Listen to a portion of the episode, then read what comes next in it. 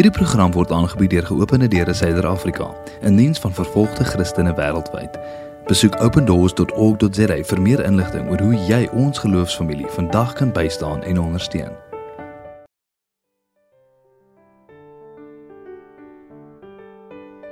Jy luister na Werkende Wondervrou, 'n potsending vir werkende ma's. Werkende Wondervrou, die perfekte kombinasie van geloof, ma wees, 'n suksesvolle loopbaan en 'n doelgerigte lewe. Aangebied deur besigheidsvrou en ma van 2, Rona Erasmus. 15 minute elke Vrydag om 1uur.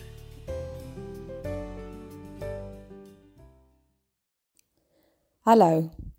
Ek is Rona Erasmus, 'n werkende ma net soos jy. Ek glo dat ons as vrouens geskaap is om 'n lewe in oorvloed te leef. Jou drome is belangrik. En dit wat jy doen, alles behalwe irrelevant. Welkom by my potsending. Die werkende wondervrou. Ek weet nie van jou nie, maar ek is nou nie die grootste sokkerliefhebber nie. Maar so rukkie gelede lees ek 'n baie interessante lewensverhaal van Lionel Messi. Nou vir die wat nie weet nie, Lionel Messi is 'n Argentynse sokkerspeler, een van die beste seker um wat al ooit gespeel het. Wat interessant is van Lionel se storie is dat hy op 'n vroeë ouderdom gediagnoseer is met 'n hormoonwanbalans. Nou die hormoonwanbalans het eintlik veroorsaak dat hy nie na wense groei nie. Sy ouers het toe laterand um, besluit om in die aande vir hom 'n inspuiting te gee wat die hormone so bietjie stabiliseer, maar omdat dit so duur was, kon hulle nie volhou daarmee nie. So Lionel Messi is nie noodwendig um het nie noodwendig die statuur van iemand wat goed sokker moet kan speel nie. En ten spyte hiervan het 'n klein Lionel van jongs af hierdie droom gehad om 'n internasionale bekende sokkerspeler te word. En hy het. Nou een van sy quotes wat ek ongelooflik baie geniet en wat regtig by my resoneer het, is die volgende. Lionel Messi het gesê: I start early and I stay late day after day, year after year. It took me 17 years, 114 days to become an overnight success. Is dit nie die waarheid nie? Is dit nie eintlik die waarheid van meeste mense wat hulle self as suksesvol beskou nie? Dat hulle hard gewerk het, dat hulle gewoeker het vir baie jare, baie ure voordat die geleentheid homself voorgedoen het. En hulle kon bewys dat hulle gereed is. sien ek glo vas dat daar nie werklik 'n tekort aan geleenthede is nie. Maar dat as ons nie gereed is vir 'n geleentheid nie, ons hom nie kan aangryp nie. En baie kere ook as ons nie alles in ons wese inspann en soos die Engelsman sê align om sekere geleenthede raak te sien nie. Ons dit sal mis. sien om die voordeel van 'n geleentheid te kan aangryp, moet ek en jy gereed wees. Want wanneer daai geleentheid waaroor jy droom voor jou deur staan, is dit te laat om voor te berei. Dan moet jy gereed wees. En wat dan belangrik is, is om regtig bewus te wees van dit waaroor jy droom. Wat is jou why? Want as jy dit weet, kan jy begin om voor te berei. Vir Lionel Messi het dit 17 jaar en 'n paar dae gevat om um genoeg voorberei te wees om die geleentheid om vir sy land te kan speel op 'n internasionale vlak aan te kan gryp. Vir ander mense vat dit langer en vir van ons is die pad so bietjie korter. Die ding is dat wanneer ek en jy nie gereed is vir hierdie geleentheid nie, daar drie dinge kan gebeur menigte male sien ons nie eers die geleentheid raak nie. Ander kere sien ons hom raak, maar ons kan hom nie aanpak en ons kan hom nie vat nie omdat ons nie voorberei is nie en omdat ons nie die selfvertroue het om dit te kan doen nie. En dan die derde een is dat ons soms 'n geleentheid sien en hom aanpak en dan val omdat ons nie genoeg voorbereiding gedoen het nie. Die mooi ding van die voorbereiding is wanneer ons besig is om voor te berei vir hierdie geleentheid, is ons eintlik besig om hierdie geleentheid in 'n mate te skep. Ek hoor die ander dag iets baie interessant. Wanneer ek en jy leef asof iets alreeds 'n realiteit is, dat ons breine nie regtig kan onderskei tussen wat dan werklikheid is en wat ons net in ons koppe opmaak nie. Dit wil sê dat wanneer ek en jy sit en mediteer oor 'n geleentheid, oor oor dit wat ons regtig graag wil wees, oor die droom wat in ons harte is, ons brein so in lyn kan kom daarmee dat hy kan glo dat ons dit wel leef. Is dit nie amazing wat ons self kan bereik nie, wat hierdie brein wat die Here ons mee geskaap het kan doen vir ons nie sien as die brein glo dat iets 'n realiteit is, kom ons hele wese in 'n mate in lyn met dit wat ons onsself op voorberei. Ek wil vandag 'n paar praktiese maniere met jou deel hoe om voor te berei om geleenthede raak te kan sien en soms ook geleenthede te kan skep. Die eerste en seker een van die belangrikstes is om te herëvalueer. Die Engelsman sê ons moet reflect. En 'n baie mooi Afrikaanse woord is nabetragting. sien wanneer ons dinge herëvalueer, is dit 'n kans om onsself en ons denke te reset en te herposisioneer vir sukses.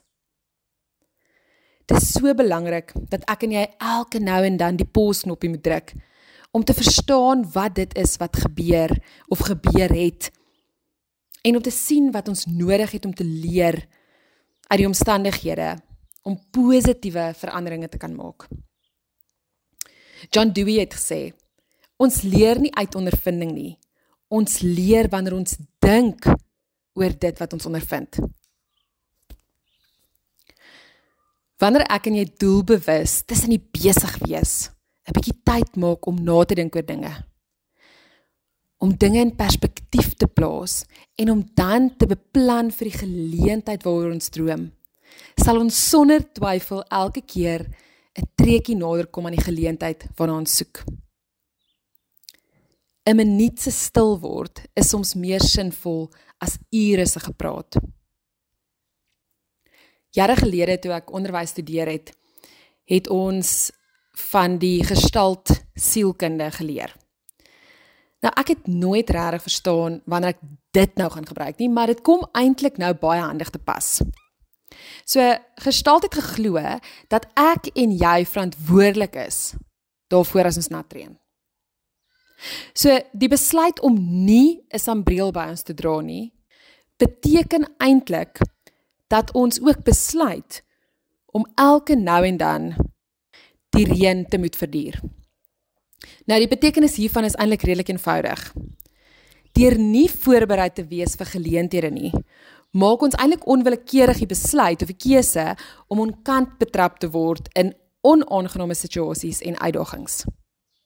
Dit wil sê dat wanneer geleenthede oor ons pad kom of dinge met ons gebeur en ons nie stil raak en dit nadink en bietjie kyk hoe ons dinge anders kan doen nie, gaan ons elke keer met dieselfde probleem gekonfronteer word totdat ons die les leer. Totdat ons nou maar wanneer ons sien die wolke donkerder raak, die sambreel saam met ons dra. Wanneer ons voorberei is, verhoog ons ons kanse dramaties om geleenthede raak te sien en te kan gebruik en met selfvertroue te kan aangryp wanneer dit aan ons deur kom klop. Die tweede manier wat ons onsself kan voorberei op hierdie geleenthede en om die geleenthede te skep, is om ingelig te wees oor nuwe verwikkelinge in ons veld. Wat is die nuutste neigings? Watse geleenthede is daar reeds? Wat se nuus is daar rondom dit? En dan ook om nie net nasionaal te kyk nie, maar kyk wat die internasionale neigings en soos die Engelsman sê trends is om in te teken op nuusbriewe en tydskrifte te lees oor daai spesifieke veld waaroor ons so passievol is en waarna ons belangstel. om genoeg navorsing te doen, om met mense in die veld te praat. Wanneer ons osself gereed maak vir geleenthede, moet ons weet dat inligting ons waardevolste kommoditeit is. Hoe meer inligting ons het, hoe nader is ons daaraan om gereed te wees vir hierdie geleentheid wat homself enige dag kan voordoen. Derdens is dit belangrik dat ons so gereed sal wees dat ons alreeds 'n tipe elevator pitch aan mekaar gesit het. 'n Kort oorredende praatjie gereed hê wat uniek is, wat relevant is en wat probleme oplos. Wat ek en jy moet onthou is dat wanneer ons vir mense tyd, geld of effort sal gespaar, ons besigheid in aanvraag sal wees. Dit wat ons doen in aanvraag sal wees. Hierdie elevator pitch met amper soos 'n oorlogskreet wees wat wanneer die geleentheid daar is, mense tot aksie sal laat oorgaan. Want sien, hierdie geleentheid kan homself enige plek voordoen en jy moet gereed wees met die regte woorde ook om iemand te kan ooreed dat jy reg is om hierdie geleentheid aan te gryp. Iets wat mense deesdae baie sien wat baie mense goed reg kry, is om jou eie platform te bou. En dit is iets waarmee jy nou kan begin. Wanneer jy nog besig is om jouself gereed te kry en navorsing te doen en inligting te versamel oor hierdie ding wat jou hart van vol is. Hierdie hierdie ehm um, geleentheid wat jy so graag wil hê. So mens kan blog skryf, mens kan sosiale media ongelooflik lekker gebruik om waardevolle gesprekke te hê om dit wat jy geleer het te deel en om op so 'n manier met 'n gehoor te kan connect. En ja, daai gehoor kan aanvanklik dalk net jou man of jou ma of jou ouma wees, maar enige iemand wat soos jy deur 'n proses gaan en inligting benodig, kan jou volg en dit kan 'n gehoor raak waar jy regtig jou idees kan uittoets voordat jy dit in 'n groter mark hoef te toets of te versprei. Die vyfde manier is om op verhoudings te fokus. Network, network, network. Ons moet kan netwerk. Dan moet ons verhoudings wat alreeds gevestig is, versterk. Ons moet dit kultiveer en verbeter en ons moet ook nuwe verhoudings bou. Dit is baie waar dat baie dinge in die lewe nie noodwendig gaan oor wat jy weet nie, maar oor wie jy ken. Die probleem is dat wanneer die wie jy ken jou te vinnig op 'n plek sit waarvoor jy nog nie gereed is nie, wat jy nog nie die nodige inligting tot jou beskikking het nie, kan jy op jou gesig val. So ja, soms is dit nodig om die wie jy ken te gebruik sodat jy dit wat jy reeds weet in die regte kanale kan verkoop of aan die regte mense tentoon kan stel. Maar vir dit ook sal jy voorbereid moet wees sodat wanneer daai geleentheid homself voordoen, jy daai elevator pitch van jou reg het en jy presies sal weet wat om te sê om daai baie belangrike persoon te kan oorwen. Dan die laaste een is om op die uitkyk te wees. Hou jou oë en jou ore oop. Hou jou brein aktief deur te leer, te studeer, te lees. Maak dit gewoonte dit moet juis nie iets wees wat vir jou soos baie effort en baie werk voel nie. Want wanneer dit iets is wat jou opgewonde maak, dan sal jy dit uiteraard makliker doen. Deur jou brein en jou denke aktief te hou, sal jy genoeg selfvertroue en kreatiwiteit hê om die geleenthede te kan sien en te kan gryp. Henry Hartman het gesê: Success always comes when preparation meets opportunity. Mag jy in hierdie week voorbereid wees op enige geleentheid wat homself voordoen.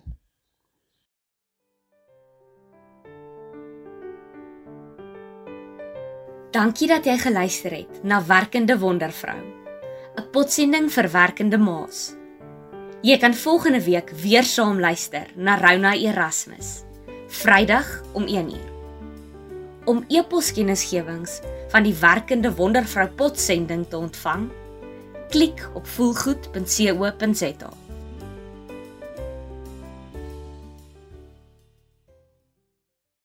Die is Helen se storie. Sy is 32 maande in 'n skeepsvraghouer aangehou. Sy is gemartel, gevra om haar geloof te versaak, maar sy kon nie. Ons broers en susters is steeds opgesluit. Terwyl ons sing, word hulle stil gemaak. Ons is vry, hulle is geboei. Ons kan meer doen. Ons kan bid, ons kan ondersteun. Jou geskenk aan geopende deure vandag kan vervolgde Christene in die gevaarlikste lande bystaan. SMS geloof na 43699 om vandag te skenk of besoek opendoors.org.za.